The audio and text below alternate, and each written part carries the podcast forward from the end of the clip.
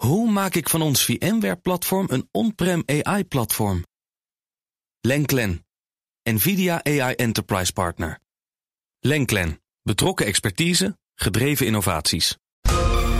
Heb jij de BNR-app al?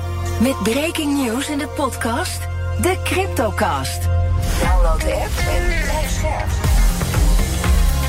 BNR Nieuwsradio. Digitaal.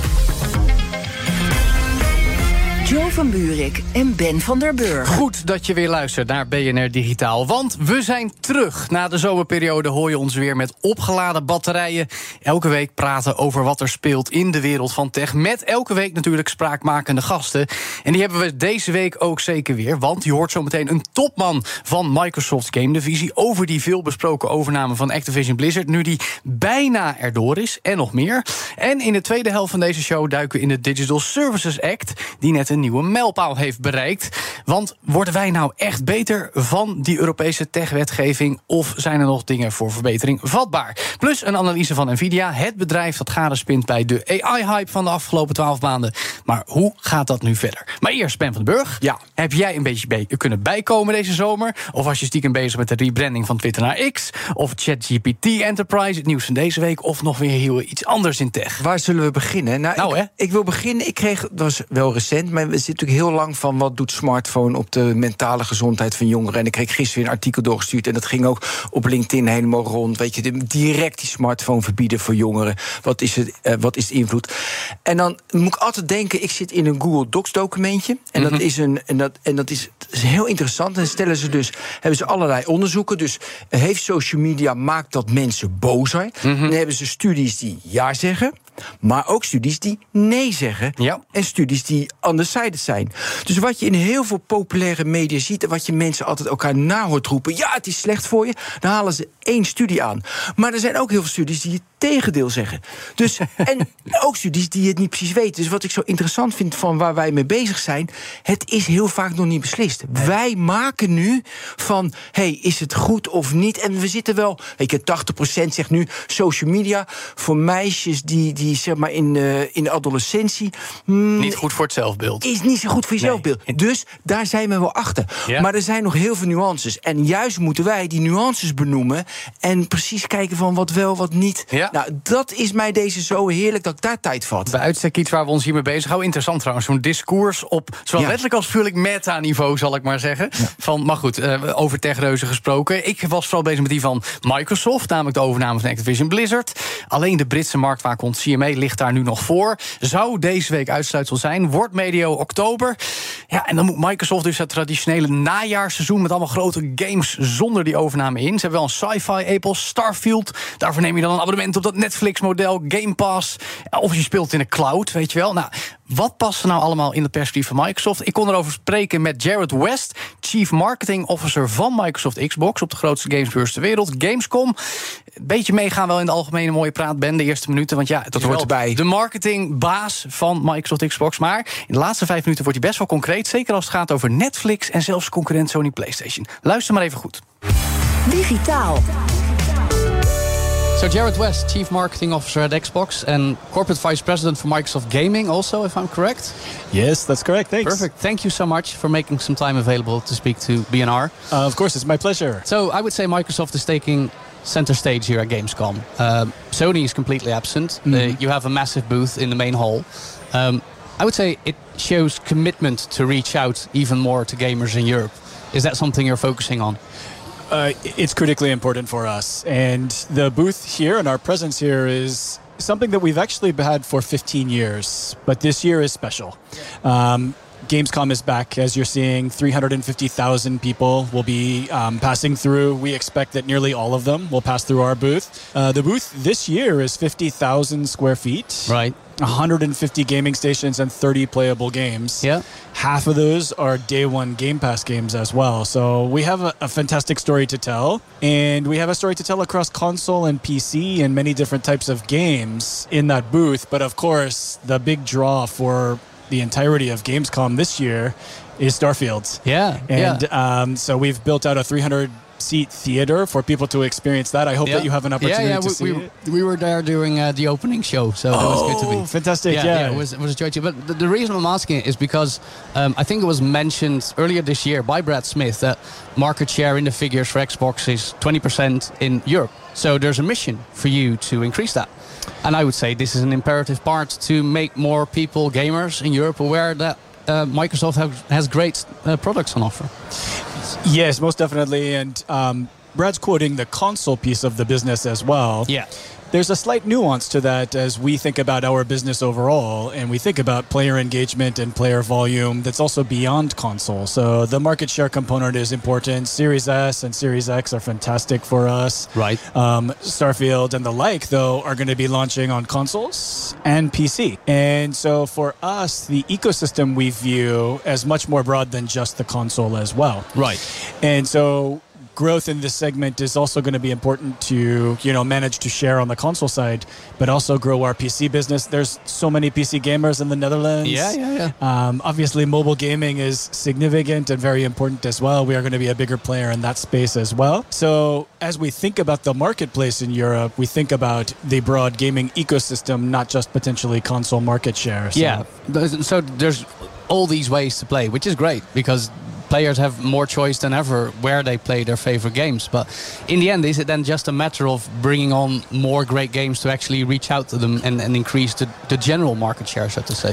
I think that is where the story begins and is where you craft most of the book. It's got to be about the content, and uh, we are so excited about our roadmap. In a lot of ways, the starting, the starting gun for this relay race is with Starfields. But um, we are talking about Forza Motorsport. We're talking about um, for next year things like Avowed and Towerborn and Hellblade. We have such an amazing lineup of content that is now starting to stack up.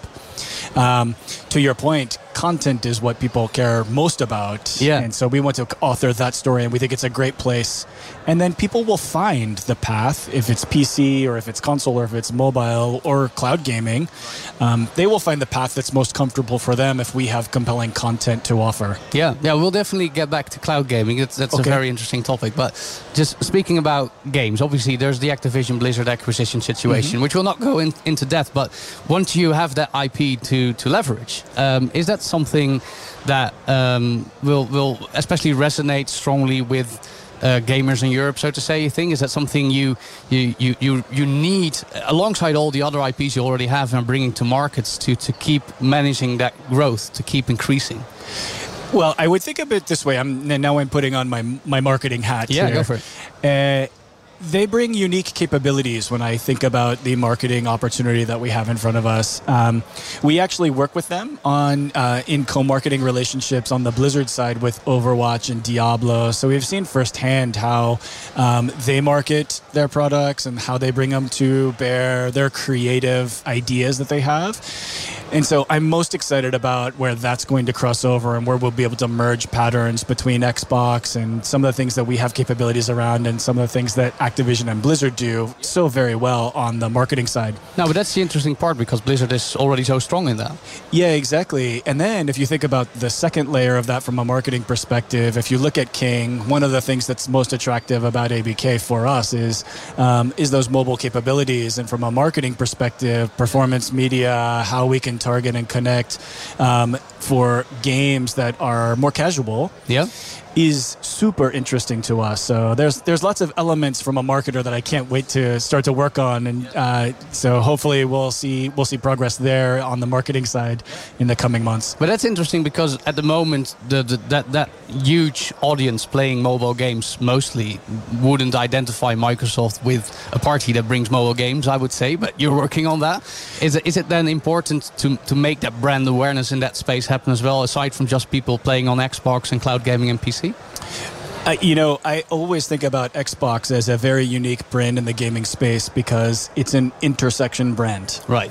And by that I mean we sit at the crossroads of many different types of um, gaming content. If you think about our portfolio for service games like Minecraft, Sea of Thieves, Forza Horizon, um, we have many millions of people who are playing specific games and coming back and playing month to month.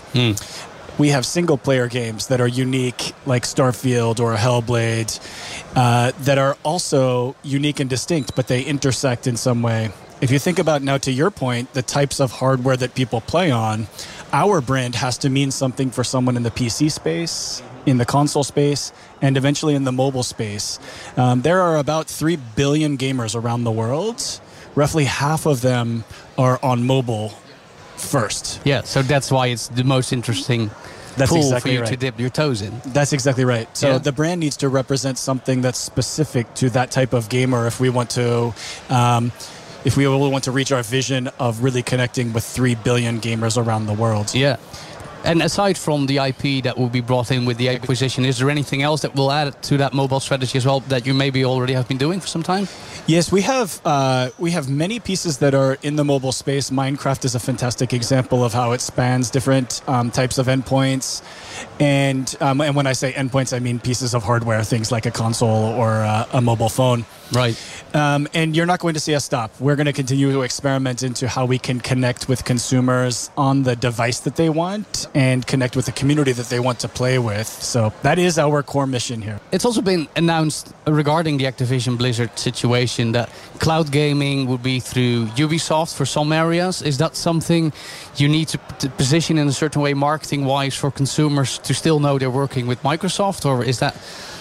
I think all of that is super early days. I haven't even really wrapped my mind around it from a marketing perspective. Um, I will say that the potential for cloud gaming is super exciting, but it's still very small and in development. So Fair enough. Okay. Um, moving on to, to Game Pass. That's something you've had great growth uh, initially. I think the, the figure reported last year was 25 million and, and counting. But can you elaborate a little bit on what your plan is to keep the Game Pass growth coming? Because the, the subscription model is something you're very, you've, you've been fostering quite a lot. Uh, where do you see that going? Uh, well, I think that it is an extension of the way that people want to discover games. That's the amazing thing about subscriptions. We've seen it in movies and TV and to a certain extent music as well. Um, logically, the next phase is for gaming to have subscription offerings that allow people to discover Yeah. different types of games and experience games with their community without um, uh, without having the deep investment before you've even had an opportunity to play. So there's this amazing discovery mechanism for subscriptions, and when you see it to when you get it up to 25 million plus, you start to see that scale where the communities are larger, and um, you have an opportunity to. Um, create a more broad catalog if you will of Yep. types of games Which you're doing at the moment, especially. that's exactly right. So that is a big piece of how we will grow Game Pass, continuing to develop third-party relationships and first-party relationships that allow us to tell um, a range of stories within the catalog. We're um, creating up an offering that's a benefit to the ecosystem and to those third-party developers who have Right. a way to participate economically in a different way. Yeah. Um, and you see that it's pleasing because it's driving more engagement for people who are in the subscription. So how will Game Pass dovetail with your mobile perspective then?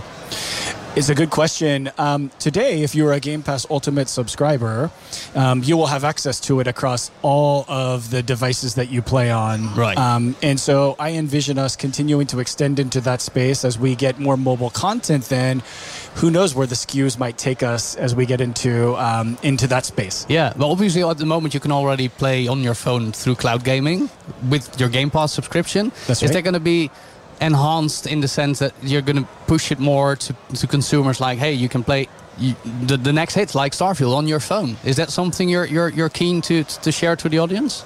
I would love to see that. I think it's going to be dependent upon how the game plays Right. on the different types of devices. Yes, that's right. So, um, as you as you mentioned, Starfield's perfect for PC and console. Mm-hmm. It would be difficult to play Starfield on a phone. You can still do it if you pair if you pair a controller and um, and so it's doable. But it might not be the biggest audience that wants to experience something like a Starfield. But as we get further into this cadence of games, we're going to have so many different types of offerings that will be perfect for um, for a mobile device or a handheld as well. So um, this handheld ecosystem, I think, is a big opportunity for us to grow into as well. And then you're speaking about devices from other manufacturers. That's right. Like something- Logitech. Yes, exactly. Logitech or the ROG Ally I'm playing on currently, and um, my trip over from from Redmond here, uh, it just performed beautifully. And playing Vampire Survivors, that's why it's top of my yeah, mind. yeah, I imagine. I like Uh, it as well. Yes, exactly. But um, I was playing FIFA 23 as well, and um, these are just perfect games in that handheld space, and Yeah. all off of Game Pass. Yeah.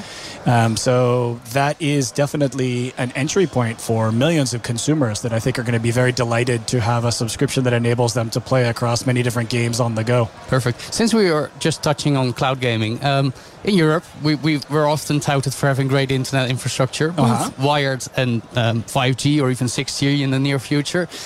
Does that make Europe an extra interesting good soil to increase your cloud gaming and Game Pass efforts uh, to maybe have this, you know, be an area of firsts and then move on to other areas like the US because internet infrastructure is still coming up?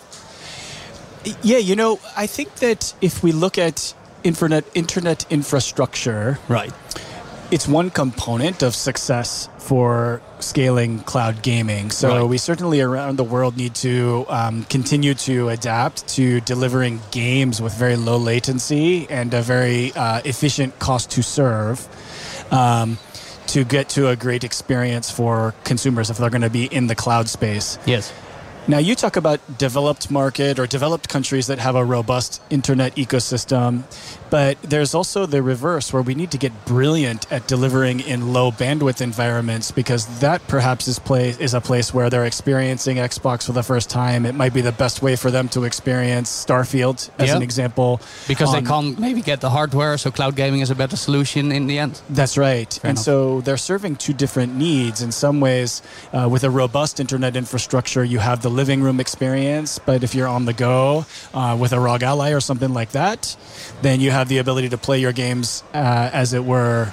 Um, while you're moving, you know, but there's these other in these other countries that we want to make sure that we're creating a great gaming experience for in low bandwidth environments, so we can connect with them for the first time in a Yeah. lot of ways Yeah. um, because they might not be an Xbox console gamer, but they really want to play Starfield or they want to play Forza Motorsport. So we need to find ways to connect with them.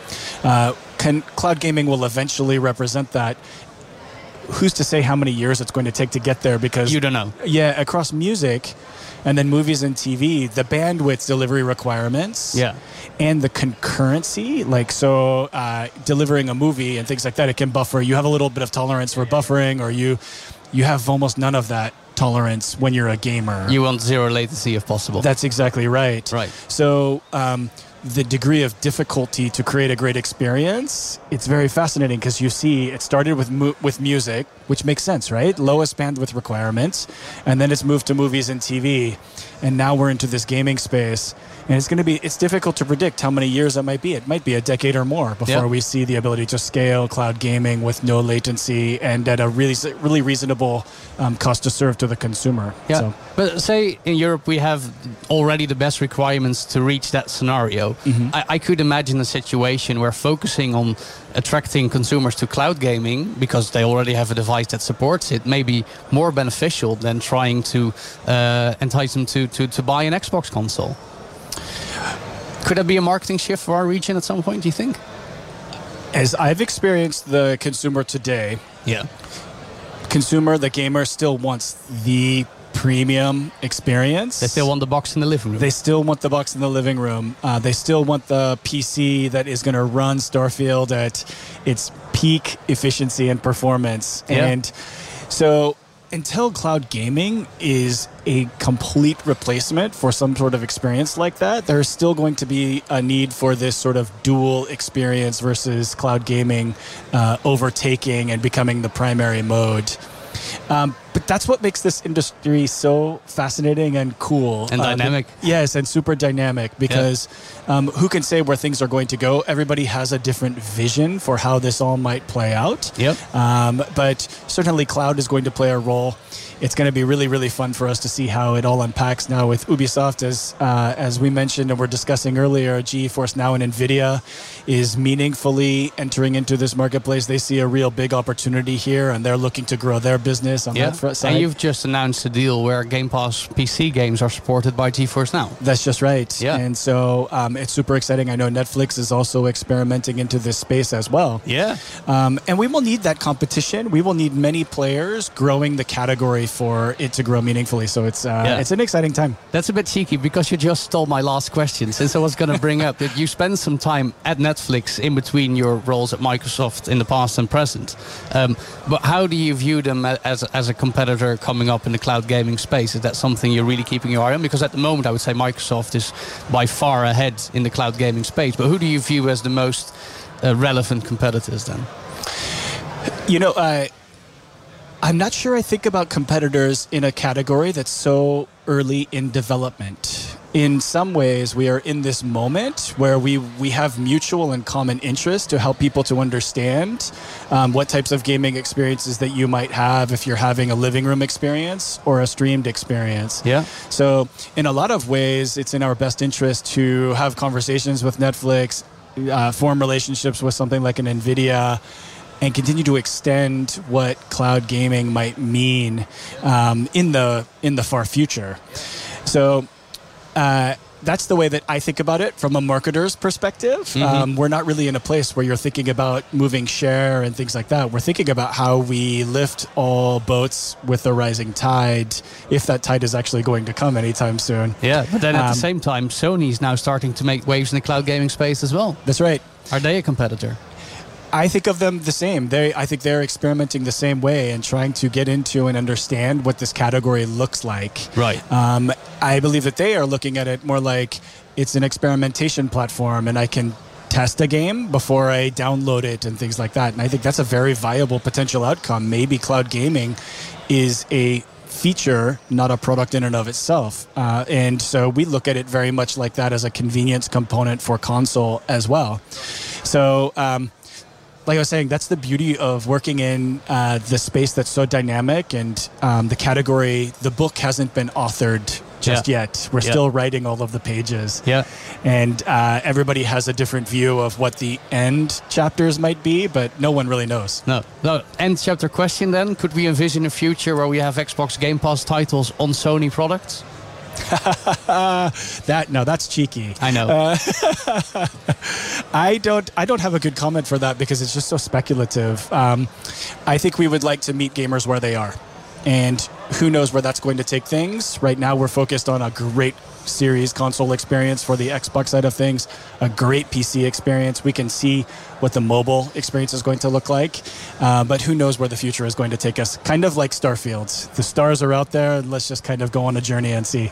Thank you so much. Jared West, Chief Marketing Officer at Xbox. Dus Ben, Microsoft samen met Netflix en ooit op een dag misschien ook wel op Dat Sony was wel PlayStation. duidelijk. Nee, maar dit was wel duidelijk. Ja? Hij mag het niet zeggen. Nee. Maar ja, dat is wel... Want ook ook met Microsoft 365, waar ze naartoe zijn gaan... op ieder platform. Ja. Ze moeten overal zijn. En je hoort hem, hij mag het niet zeggen, hij kan het niet zeggen... maar uiteindelijk willen ze de games op alle platformen Ze willen af van hardware maken. Dat blijven ze nog wel doen. Ook topman Phil Spencer heeft al gezegd... er komt waarschijnlijk nog wel een volgende generatie Xbox... maar dan over een jaar of nou, acht, tien jaar... zouden ze het liefst alles gewoon in de cloud brengen. Maar ja, dan moet het nog wel eventjes doorzetten met infrastructuur. Ja, en ik denk ook dat het toch... Ja, dat denk jij niet, maar dat er altijd wel een be- bepaalde type gamer is... die het eh, high-end Natuurlijk. Zeker console... al die PC-liefhebbers die gewoon Ja. De beste spulletjes thuis willen hebben staan. Dus dat duurt nog wel even, hoor. Tuurlijk. En er zal een soort hybride markt ontstaan. Maar voor de massa zou cloud gaming misschien toch echt wel kunnen worden. Tenminste, als Microsoft het wil.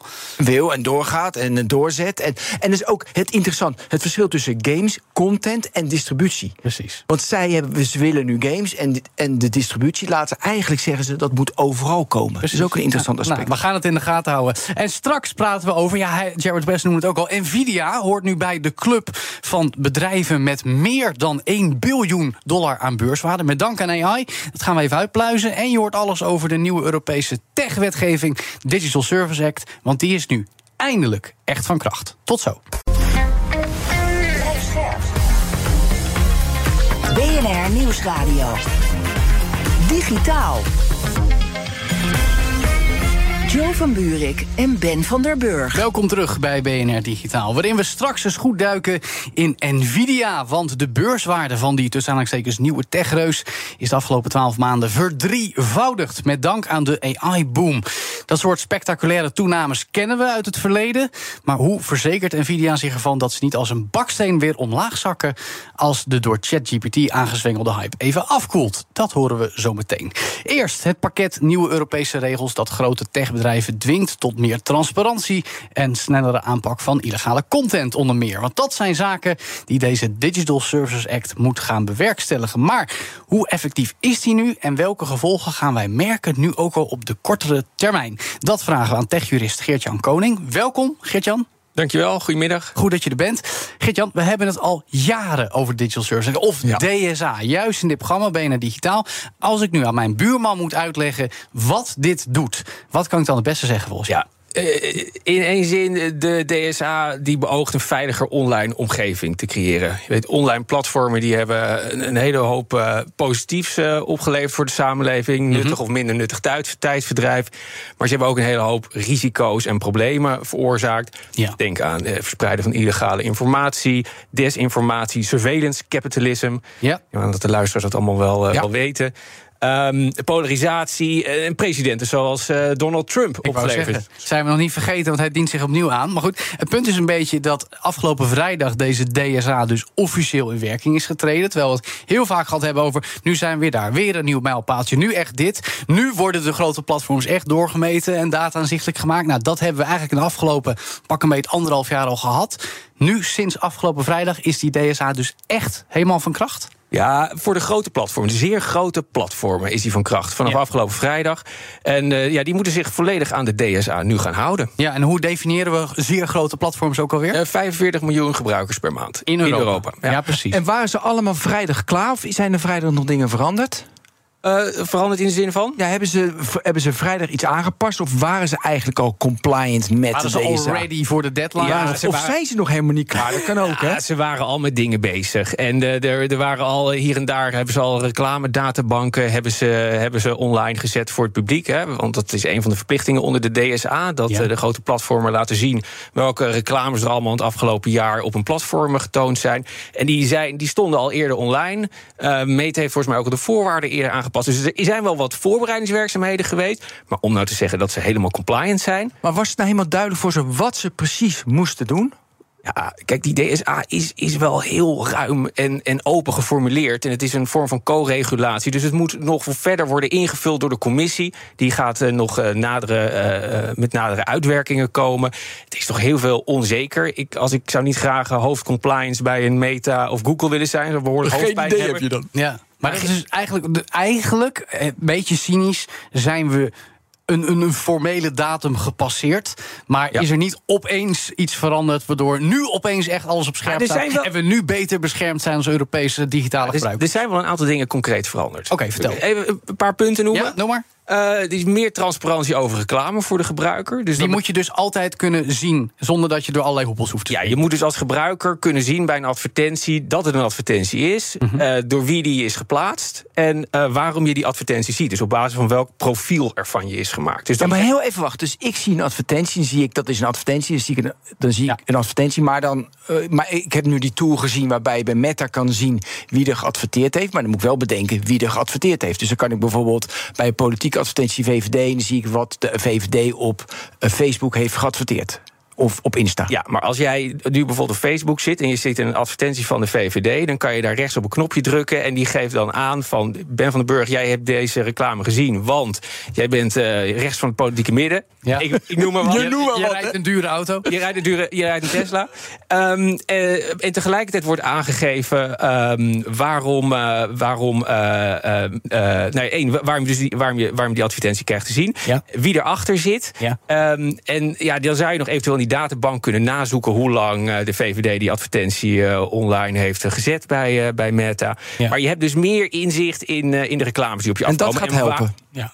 Dat gaat in principe helpen voor de gebruiker om meer inzicht te krijgen in ja, waarom Meta jou uh, bepaalde content voorschotelt. Ja, nou dat is één ding. Noem nog eens een goed voorbeeld van je zegt, nou daardoor gaat het echt veranderen voor ons in Europa. Wat ik wel aardig vind is die dark patterns die zijn ver, verboden. Dus ja, dat, dat dus van die knopjes dat je eigenlijk niet wil klikken, maar het staat zo vormgegeven en gekleurd dat je er wel op gaat klikken. Precies, dus dat is de, dat is de wijze waarop de grote tech-platforms ons allemaal richting de acceptatieknop hebben genutcht. Ja. Uh, waarmee ze eigenlijk een beetje de, de geest van de AVG hebben, hebben weten te omzeilen. Maar dat, voor de goede orde, dat mag niet meer. Dat mag Als niet ik meer. nu een knop tegenkom op Facebook, wil je je afmelden en nee staat dan heel mooi eh, groen gekleurd met, een, met vingers ernaar en de andere heel klein weggemoffeld ja. Nee, dat mag, mag niet meer. En, Booking mag ook niet meer met een pop-up komen van dit is de laatste kamer voor, uh, voor dit bedrag, waardoor jij. Uh, Oké. Ja. Booking.com mag niet meer Ja, de laatste valt ook onder grote platforms, denk ik. Hè? Ja, ja, absoluut. Ja. Uh, en wat ik ook nog wel een hele interessante vind, is dat de gebruiker gewoon weer meer controle krijgt over zijn feed. Dus over Ja, ja. de, de content die hij te de zien krijgt. algoritmes.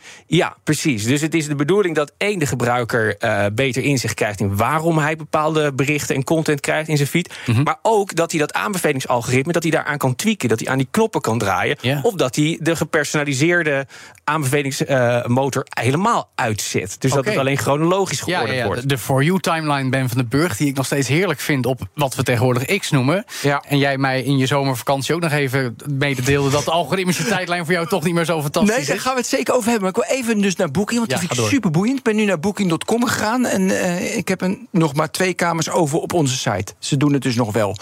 Wat betekent dit? Ja, wat het betekent is dat jij betere vakanties gaat uh, boeken onder Nee, deze. maar je zegt net dat mag Booking.com niet meer onder de DSA. Nee. En er staat nog wel op de site nog maar twee kamers op, dus dat ze nog maar twee Ja, kamers maar het, hebben. kan, het, kan ook, het kan ook waar zijn hè, dat er ook daadwerkelijk nog maar twee kamers zijn. Ah, het gaat alleen om de misleiding. Mag niet. Exact, Maar het mechanisme mag nog wel. Ik geloof toch niemand? Ja, maar dat maakt het dus. Het risico is dus dat het helemaal niet per se transparanter wordt. In ieder geval, er is, wordt gezegd, je moet transparanter zijn. Ze kunnen zeggen, we zijn transparant. Maar hoe controleren we dat? Ja, het is heel lastig. Wat, wat wel zo is, is dat nu die grote platformen ieder jaar een onafhankelijke audit moeten, moeten laten, laten uitvoeren. Dus dan komt er onafhankelijke. Ja, eh, De inspectie. De inspectie, die Ja. komt langs.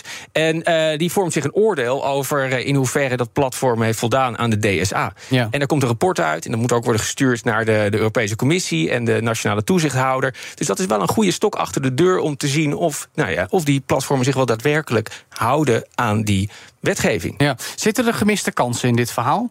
Ja, ik, ik denk het wel. Kijk, als je, wat je ziet, het is open, open uh, normenwetgeving. Dus er moet heel veel worden ingevuld. Het is ook weer voor, er wordt voor een belangrijk deel ook weer een beroep gedaan op uh, de verstandigheid van de gebruiker. Die moet Ja, ja. algemene voorwaarden lezen. Ja, die wordt de- als, jij, inzicht- als jij toch die EULA te snel hebt doorgeskipt, dan is het toch jouw eigen schuld als ja, het gaat dus nog steeds een beetje uit van de fictie dat mensen algemene voorwaarden lezen. Niemand leest algemene voorwaarden, behalve juristen voor 300 euro per uur. Ehm, dus dat, daar zit, daar zit een, een, een juridische fictie zit daarin. En dat is, eh, dat is jammer. Want ik Ja. denk, als je kijkt naar gemiste kansen, dan denk ik dat er ook een aantal dingen gewoon verboden hadden kunnen worden. Waarmee, Zoals? Nou, denk aan gepersonaliseerde, eh, gepersonaliseerd adverteren. Dat wordt nu wel verboden voor kinderen. Dat wordt verboden op basis van bijzondere persoonsgegevens. Maar even tussendoor, alleen voor kinderen als mijn zoon, als die 12 zou zijn, ook daadwerkelijk zou hebben aangegeven bij zijn account dat hij 12 is. Nou, dat dan nog net. Het is gewoon een hard verbod. En, Ja, ja. en mijn punt is een beetje dat harde verbod zouden ze veel breder kunnen trekken. Ja. Eh, dus een, een totaalverbod op gepersonaliseerde advertenties. En daarnaast zouden ze ook kunnen zeggen dat standaard je feed eh, niet meer gepersonaliseerd mag zijn. En dat je dus op een zelf zelfstandig op een knopje moet gaan drukken om die personalisatie aan te zetten. Terwijl het nu vaak omgedraaid Het is. interessante is, notabene bij X is dat het geval. Hoewel ik tegenwoordig, laatst als ik de app open... toch weer automatisch naar de aanbevelingstijdlijn ga. Dat vind ik heel vervelend. Om nog een keer te zeggen dat ik toch echt nee. liever... de eigen tijdlijn met accounts die ik volg in chronologische volgorde heb. Um, Geert-Jan, de vergelijking met de GDPR dringt zich een beetje op Ja, hier. Dat is heel leuk. Precies, AVG, heel leuk dat we al ruim vijf jaar hebben als Europese privacywet. Maar daar hebben we ook een beetje op geschoten eerder dit jaar met collega Menno Wij. Is, is, is daar een vergelijking te maken van er is iets en ja, het doet wat, maar het is nog lang niet ideaal? Nou ja, ja, dus in die, die, die AVG die gaat uit van de, van, van de premisse dat de gebruiker zelf controle moet krijgen, zelf eh, controle eh, moet hebben over zijn persoonsgegevens. Alleen tegelijkertijd wordt de gebruiker toegestaan om zijn persoonsgegevens eigenlijk of de controle volledig weg te geven door op die acceptatieknop te drukken. ja. ja. En de AVG, er zijn dus ook een aantal, aantal zwakke plekken in de AVG die nu gedicht zijn onder de, onder de DSA. Waaronder dus dat verbod op gepersonaliseerde advertenties voor kinderen. Dat is een goede. Het verbod op die dark patterns. Want als dat er al in had gestaan, verbod op de dark patterns, bijvoorbeeld in de AVG, ja. dan hadden, hadden, had bijvoorbeeld een meta geen toestemming kunnen, kunnen afdwingen. Of je, je, de gebruiker te manipuleren richting acceptatie van die voorwaarden. waarin je al, al je persoonsgegevens eigenlijk verkoopt aan ja. meta. Ja, ja. Ook opvallend, Uh, webwinkels zoals Zalando, AliExpress. Zalando was ook nog heel erg te horen eerder deze zomer. toen ze ook naar buiten werden gebracht als zijnde very large platform. Die vallen onder die nieuwe regels. Um, kun je even vertellen wat daar nou verandert? En dan gaan we daar ook beter van worden? Of is dat gewoon dingen zoals je zegt, dark patterns en dergelijke? Hetzelfde werk social ja, media. Die dark patterns, dat ga je, dat ga je zien. Um, overigens is Zalando, die, is, uh, die heeft het aangevoegd, hè, dat, mm -hmm. uh, dat ze een very large platform zijn. Wat is de status, voor zover je weet? Weet ik nu even niet uit mijn hoofd. Maar uh, die, die is er in ieder geval niet mee eens. En volgens mij loopt dat nog. Ja. Um, en tot die tijd hoeven ze niet te voldoen, kan ik me voorstellen. Nou, ik, ja, ik wel. Okay. Ja, absoluut. Oh, toch wel? Ja, okay, maar daar nemen ze risico mee. Ja, ja. Want?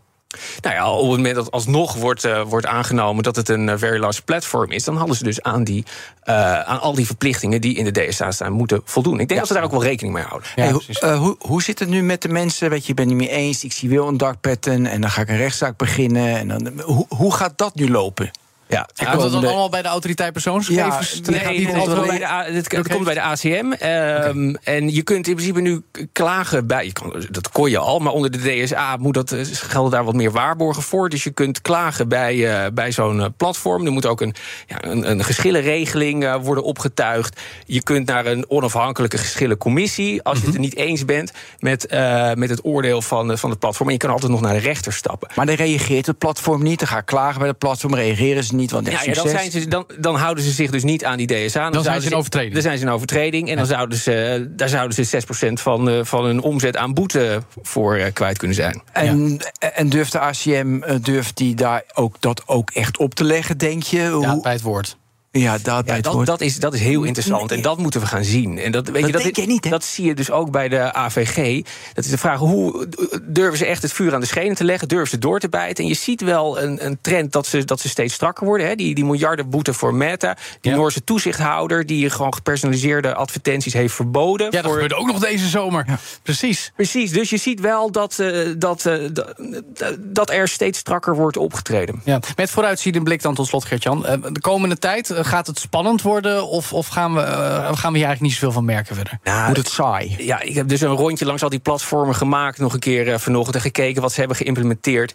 En ja, het, het deed mij een beetje denken aan zo'n student die voor een proefwerk leert. Uh, en het half, half heeft gedaan in de hoop dat hij een vijf en een half haalt. Ja, ja het zijn allemaal zes minnetjes eigenlijk. Die dynamiek zie ik hier weer eigenlijk opnieuw bestaan. En alleen als die toezichthouders de druk gaan opvoeren, dan gaan die, gaan die platformen die gaan weer bewegen. Ja. Dus dat vind ik jammer. En terugkomend, er zijn gewoon een aantal gemiste kansen geweest. Als we een aantal dingen gewoon hadden verboden, dan nou ja, had je veel concrete resultaten gezien. Ja, nou, we blijven het hier van de gaten houden om te zien wat er met de Digital Service Act nog meer gaat gebeuren. En of die techbedrijven daar echt uh, ja, harder mee worden aangepakt. Of dat het een 6 min blijft, zal ik maar zeggen. Dankjewel, techjurist Geert-Jan Koning. De zoekopdracht. Ja, het is weer tijd voor een nieuwe editie in onze semi-vaste rubriek, de zoekopdracht. Want als de afgelopen twaalf maanden één beursgenoteerd bedrijf geprofiteerd heeft van de AI-hype, dan is het wel Nvidia. Met een verdrievoudigde waarde in de afgelopen twaalf maanden. Met dank aan grafische processoren die uitermate geschikt zijn voor AI. Maar is er ook leven daarna voor Nvidia als die hype even afkoelt bijvoorbeeld? En waar moet Nvidia, en dus ook wij als techkenners, op letten in dat hele omveld? Dat hebben we laten uitzoeken door iemand die als gamer, crypto-kenner en tech-expert goed ingevoerd is in de producten van Nvidia. Wat ze allemaal doen, namelijk onze eigen collega Daniel Mol. Dag Joe. Dag Daniel, goed dat je er bent. Opnieuw dus extreem goede kwartaalcijfers van Nvidia onlangs. Daar was eigenlijk de aanleiding mee gekomen. Heeft alles te maken met AI. Vertel nog eventjes, hoe profiteren ze van de AI-boom? Ja, Nvidia is gewoon het bedrijf dat de belangrijkste chip maakt, chips maakt voor trainen en onderhouden van AI. Dus je kan een vergelijking maken met een gold rush. We zitten nu in een AI gold rush. Uh, er zijn allerlei bedrijven die goud aan het zoeken zijn. Kleinere bedrijven, maar ook grotere bedrijven zoals OpenAI van ChatGPT. En Nvidia staat aan de zijkant en die is scheppen aan het verkopen, die is pikhoeeltjes aan het verkopen. Iedereen heeft de spullen van Nvidia nodig om met AI te werken, AI te trainen. Ga zo maar door. Ja, precies. Nou, en dat zagen we al bij de vorige kwartaalcijfers, zeg maar ruim drie maanden geleden. Nu, afgelopen maand was het wederom feest. Eh, En de verwachtingen zijn nog hoger, hè? Ja, ze, ze, ze- zeg maar, de, hun datacenter-tak, waar al die AI getraind wordt, die groeit maar door en die groeit maar door. En de verwachtingen zijn inderdaad dat het gewoon echt sky high gaat. Een record omzetten voor Nvidia. Ja, leg nog even één keer uit waarom die producten nou zo goed zijn voor AI-toepassingen. Ja, Nvidia is de enige die dit soort grafische kaarten, dit soort GPU's, eh, kan maken die zo goed zijn voor het trainen van AI. Eh, je hebt de H100, dat is het nieuwste model van Dat Nvidia. is, dat is het goud. Dat is het nieuwe Dat is goud. het gouden pikhouweeltje. De nieuwe olie. Eh, een heel leuk artikel in de New York Times eh, anderhalve week geleden over start-up bedrijven die dan heel veel geld ophalen en 95% van dat geld investeren in het kopen van, van die GPU's, van die H100. Ja, 1,3 miljard haalde een bedrijf op en 95% gaat naar GPU's. Ja, dus dat geeft wel aan hoe belangrijk dat nu is geworden. Ja. Ja, de- Nvidia maakt dus de allerbelangrijkste GPU waar ook schreeuwende tekorten voor zijn. Iedereen wil die dingen hebben. En tegelijkertijd hebben ze ook nog een softwareplatform. Dat heet CUDA Computing. En die zorgt er eigenlijk voor dat de GPU's, de grafische kaarten zoals we die vroeger kenden, die we vroeger vooral gebruikten voor het gamen, voor 3D-werelden genereren. Ehm, En crypto mining. Crypto mining, ja, Ethereum mining, heel belangrijk. Ehm, dat die eh, grafische kaarten ook nu, zeg maar, CPU-taken, dus taken die we normaal in een processor overlaten, Ja. kunnen uitvoeren. En dat zijn precies de taken die AI zo hard nodig heeft. Ja. Dus eh, zij, hebben dat, zij hebben dat platform. Dat werkt alleen natuurlijk met Nvidia-producten.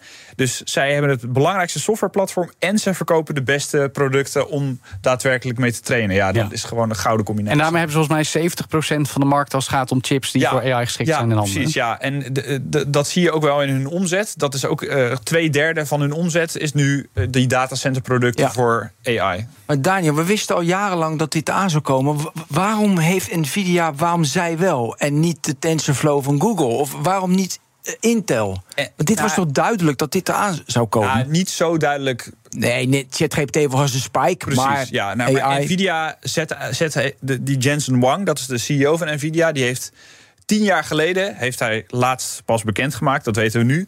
Eh, tien jaar geleden heeft hij gezegd, we hebben alles ingezet om klaar te zijn voor AI. Ze hebben heel veel investeringen gedaan in het succesvol maken van AI, in het succesvol maken van dat soort grote taalmodellen. Die Maar zij wisten toen eigenlijk al, die processoren en grafische processoren... die gaan perfect zijn voor AI. Dus enorme vooruitziende blik dus. Ja, en dat, dat, dat is natuurlijk een onwijze gok geweest, die nu dubbel en dwars uitbetaald. Maar het is inderdaad, Nvidia is hier al tien jaar bezig om zich te positioneren. Voorheen kennen we ze van grafische kaarten voor gamers, maar nu zijn ze het bedrijf voor de AI-revolutie. Maar nu, hè, oké, we zitten midden in de AI-hype cycle. Daar hebben we het nu al heel vaak over. Maar wat nou als die toch een beetje afkoelt? Want er zijn ook een publicatie van experts die zeggen... nou, eigenlijk is de er nu al een beetje uit. Want we zien dat de nadelen van AI, bijvoorbeeld hallucineren... toch al heel erg lastig eruit te krijgen is. Ehm, dat kan dus betekenen dat misschien al de komende maanden... die hype wat minder wordt. En heeft Nvidia dan gelijk een groot probleem? Ja, dan moet je eigenlijk gelijk denken aan de dotcom-bubbel. Dat is Ja. eh, be- begin 2000 dat ineens internetbedrijven door het dak gingen. Eh, het allerleukste voorbeeld vind ik daarvan Cisco. Dat is een bedrijf, misschien dat je nu kent... dat je nog een oude router ergens in de kast hebt liggen. Dat is dan van Cisco. Netwerkapparatuur. Eh, dat was ooit het meest waardevolle bedrijf ter wereld. oh, Eh, dat is lang geleden. Ja, in 2000. Vooral Ben nog wel goed Ja, in nee, dat weet ik. Tijdens mijn MBA hebben we het heel veel over gehad. Was echt een nee, dat topbedrijf. is waanzinnig. En eh, eh, de dotcom-bubbel kwam ten einde. Die zeebel die knapte. Ja. En eigenlijk bleek er toch niet zo heel veel vraag naar de apparatuur van Cisco. Ja. Nou ja, je zou kunnen zeggen, bij Nvidia gaat dat ook gebeuren. Twijfel ik een beetje aan. Want? Eh, nou ja, ten eerste, Nvidia, laten we eerst even opzij zetten. Nvidia is ook gewoon een heel belangrijk bedrijf voor gamers. Ja, Als jij een ze maken nog videokaart koopt, grafische kaart. dan ga je naar Nvidia of naar AMD. Ja, bijna altijd Nvidia volgens mij. Bijna het grootste deel van de ja, markt in handen. Ja, goed precies. Ja. Oké. Ehm, maar we hebben nu een AI-hype. Alleen dat is wel iets anders dan een dotcom-bubbel zoals voorheen. Eh, Alle grote techbedrijven zijn nu met AI bezig. Die Mm. investeren miljarden. en ze doen allemaal zaken met Nvidia? Iedereen heeft Nvidia nodig. Van Microsoft tot Amazon tot Apple tot noem maar op. Google, Google, Meta, iedereen. alles. iedereen. Ja, goed. Ja, maar internet werd ook vrij grote infrastructuur. Precies. Dus dat had Cisco ook kunnen doen. Ja, ja oké, maar zij investeren niet door. En internet is natuurlijk, dat weet jij als geen ander ben. Internet is behoorlijk ingezakt toen. Ja. Maar, maar gaat De dan niet infrastructuur stond daar. Precies. Ja, gaat dan niet eerder eigenlijk de vergelijking met het Nederlandse ASML op... die ook een ding maken op een andere plek in de waardeketen weliswaar... wat zo uniek is dat eigenlijk geen enkel andere bedrijf ter wereld het ook doet. En dus iedereen die afhankelijk is van dat ene bedrijf... het is toevallig dan ook tech, dus daar uitkomt. Ja, zo, zo voelt en het je wel dus beetje. zit. Ja, nou ja, ASML en Nvidia hebben elkaar ook nodig. Dat Ook is nog. natuurlijk ook grappig, want zonder de machines van ASML ook uiteindelijk geen kaarten van Nvidia. Ja, ja. Uh, maar je zou ook kunnen denken, uiteindelijk gaan we naar een punt toe dat al de, de berekeningen die in datacenters worden gedaan, in cloud, waar, waar we het al heel vaak over hebben, AWS, Azure van Microsoft, Google Cloud, Ja. dat dat al die berekeningen uiteindelijk ook met GPU's gaat gebeuren, waar dat nu nog met CPU's gebeurt. ja, precies. Want die dingen zijn gewoon simpelweg veel krachtiger. En we hebben niet oneindig veel ruimte om datacenters te bouwen. Kost allemaal geld. Misschien moet je dat met GPU's gaan doen. Ja. Als je dat denkt en dat, die toekomst voor je ziet, dan zou je zeggen: Nou, Nvidia gaat echt niet meer instorten zoals we Cisco bijvoorbeeld Ja. hebben zien instorten. Ja, oké, goed. Nou, dat, dat niet. Maar er zijn vast andere mogelijkheden of partijen... die op een of andere manier Nvidia alsnog zouden kunnen bedreigen... van de raket die ze nu zijn. Nou ja, traditionele, de traditionele big tech, Microsoft, bezig. Google, Ja. die zijn, die, die, die zijn eigen chips aan het ontwikkelen, toch? alles bij elkaar aan het rapen om maar die eigen chips te ontwikkelen. Want Want ze willen van die afhankelijkheid af. datacenters van Azure staan vol met eh, Nvidia H100 chips, weet je wel. En er een wachtrij van een jaar las ik in de New York Times. Dus inderdaad, aan de ene kant heb je Big Tech die met al hun middelen hun eigen chips aan het ontwikkelen zijn. Eh, aan de andere kant zijn er ook heel veel start-upjes die het nu net iets efficiënter, net iets slimmer dan Nvidia proberen te doen. Dan zie ik ook wel weer, ja, eh, het wordt heel lastig. Want je hebt een soort je hebt productiecapaciteit nodig om heel veel chips te kunnen maken. Eh, Nvidia laat dat doen bij TSMC. Ik ja, zou ja. zeggen, waar anders? Ja. Eh, Samsung kan het een beetje, Intel kan het een beetje en TSMC kan het heel goed. Maar die zitten ook aan een limiet. Ja. Ehm, ja, dan kan ik me voorstellen, Nvidia heeft nu genoeg geld op de plank. Als er een slimme start-up komt, dan kopen ze die gewoon. Dus dat Ja. lijkt me ook geen gevaar. Ja, nou goed, 1,2 biljoen dollar aan beurswaarde. Ik kijk even Ben aan. Ja. Is dit nu de nieuwe zesde techreus? Ja, daar heb ik lang over na zitten denken. Nou. Want ik wist dat die vraag kwam. Ja, tuurlijk. Nee, waarom? Omdat namelijk ze maken inderdaad infrastructuur. Ja. En weet je, heel vaak bij de techreus is het altijd consumer-facing of B2B-facing. Ja, dat is het nog steeds als je grafische kaart koopt, maar dat is nu nog maar zo'n klein deeltje van de business. Ja, maar ze hebben niet direct een service of een product die direct naar de consumer. Het is dus het infrastructuur is het. Dus ik denk dat ze. Ik, maar eh, wanneer bepaal je meer de tech-business? Ja, ze zijn misschien de minst direct invloedrijke van de techreuzen. indirect heel veel Indirect invloed. en qua waarde natuurlijk. Dat is waar we ook aan kijken. Ja, ja, maar hebben ze heel veel invloed in de samenleving? Ja, dat wel. Want Ja. je kan wel of niet trainen. Maar dat zit natuurlijk ja, als infrastructuur. Ja, maar zij, Ja. leveren dus de, eh, nog om even op, terug op dat voorbeeld te komen. Zij leveren de scheppen in de pikhouwelen. En wat daarmee gebeurt, daar Dat gaan zij niet is over. even. Zij hebben die schepjes al lang verkocht. Het geld is binnen, prima. En wat bijvoorbeeld een Facebook, we hebben het net over de DSA gehad. Ja. Daar moeten regels voor komen. Wat bijvoorbeeld een Facebook, een Meta doet met die scheppen en pikhouwelen. Dat is aan hun en dat heeft de impact. En hebben ze, halen ze die scheppen van de markt en ze doen ineens een hark. Dan moeten de, eh, dan heeft zeg maar, Facebook en ook, eh, ineens ook iets anders te doen. Ja. Dus dat Ja. is natuurlijk, daar hebben ze wel invloed op. Ze hebben, Ja. ze hebben zeker macht, net als bijvoorbeeld ASML macht heeft. Ja. Eh, en dat is Nou, er is meer- een afhankelijkheid, laten we het zo ja, dat zeggen. is meer macht op een, op een soort geopolitiek vlak. Dat, Ja. dat idee een beetje. Ehm, maar niet, niet big tech in de traditionele zin als een Mark Zuckerberg die allerlei dingen zegt en die onze samenleving beïnvloedt, presidentsverkiezingen beïnvloedt. Dat is Nvidia gewoon niet. Nee, oké. Dus tot die tijd moeten we Nvidia wel in de gaten houden... en hoeven we niet te verwachten dat die beurskoers anytime soon... weer heel erg hard omlaag gaat. Nou, we zijn hier niet van het beleggingsadvies. Nee, dat is waar. Daar dus is BNR ga- beurs van. Absoluut niet. Maar toch? Eh, maar ik kan me moeilijk voorstellen, die, die, die omzet die blijft nog wel even... Ze blijven belachelijk belangrijk en waardevol. Zeker. Mooi. Dankjewel, techredacteur Daniel Mol. En tot zover BNR Digitaal. Ook altijd te beluisteren als podcast op elk bekend platform. Waaronder natuurlijk de app van BNR en onze site bnr.nl. Daar vind je ook andere podcasts over tech. Zoals de Tech Update elke ochtend en elke middag. De Cryptocast elke dinsdag. En de Technoloog ook nog. En Nexus, dat doen we ook weer na deze... Daar gaan we morgen mee beginnen. Precies. Samen met Ben en Daniel natuurlijk elke week de nieuwste, beste inzicht in tech. En dan ook nog videogames in On The Game. Ook elke donderdag. En elke woensdag weer een nieuwe BNR Digitaal. Zo ook volgende week weer. Dan hebben we weer een gloednieuwe show voor je. Dus ik zeg tot volgende week. Dag. Hoe maak ik van ons VMware-platform een on-prem AI-platform? Lenklen, NVIDIA AI Enterprise Partner. Lenklen, betrokken expertise, gedreven innovaties.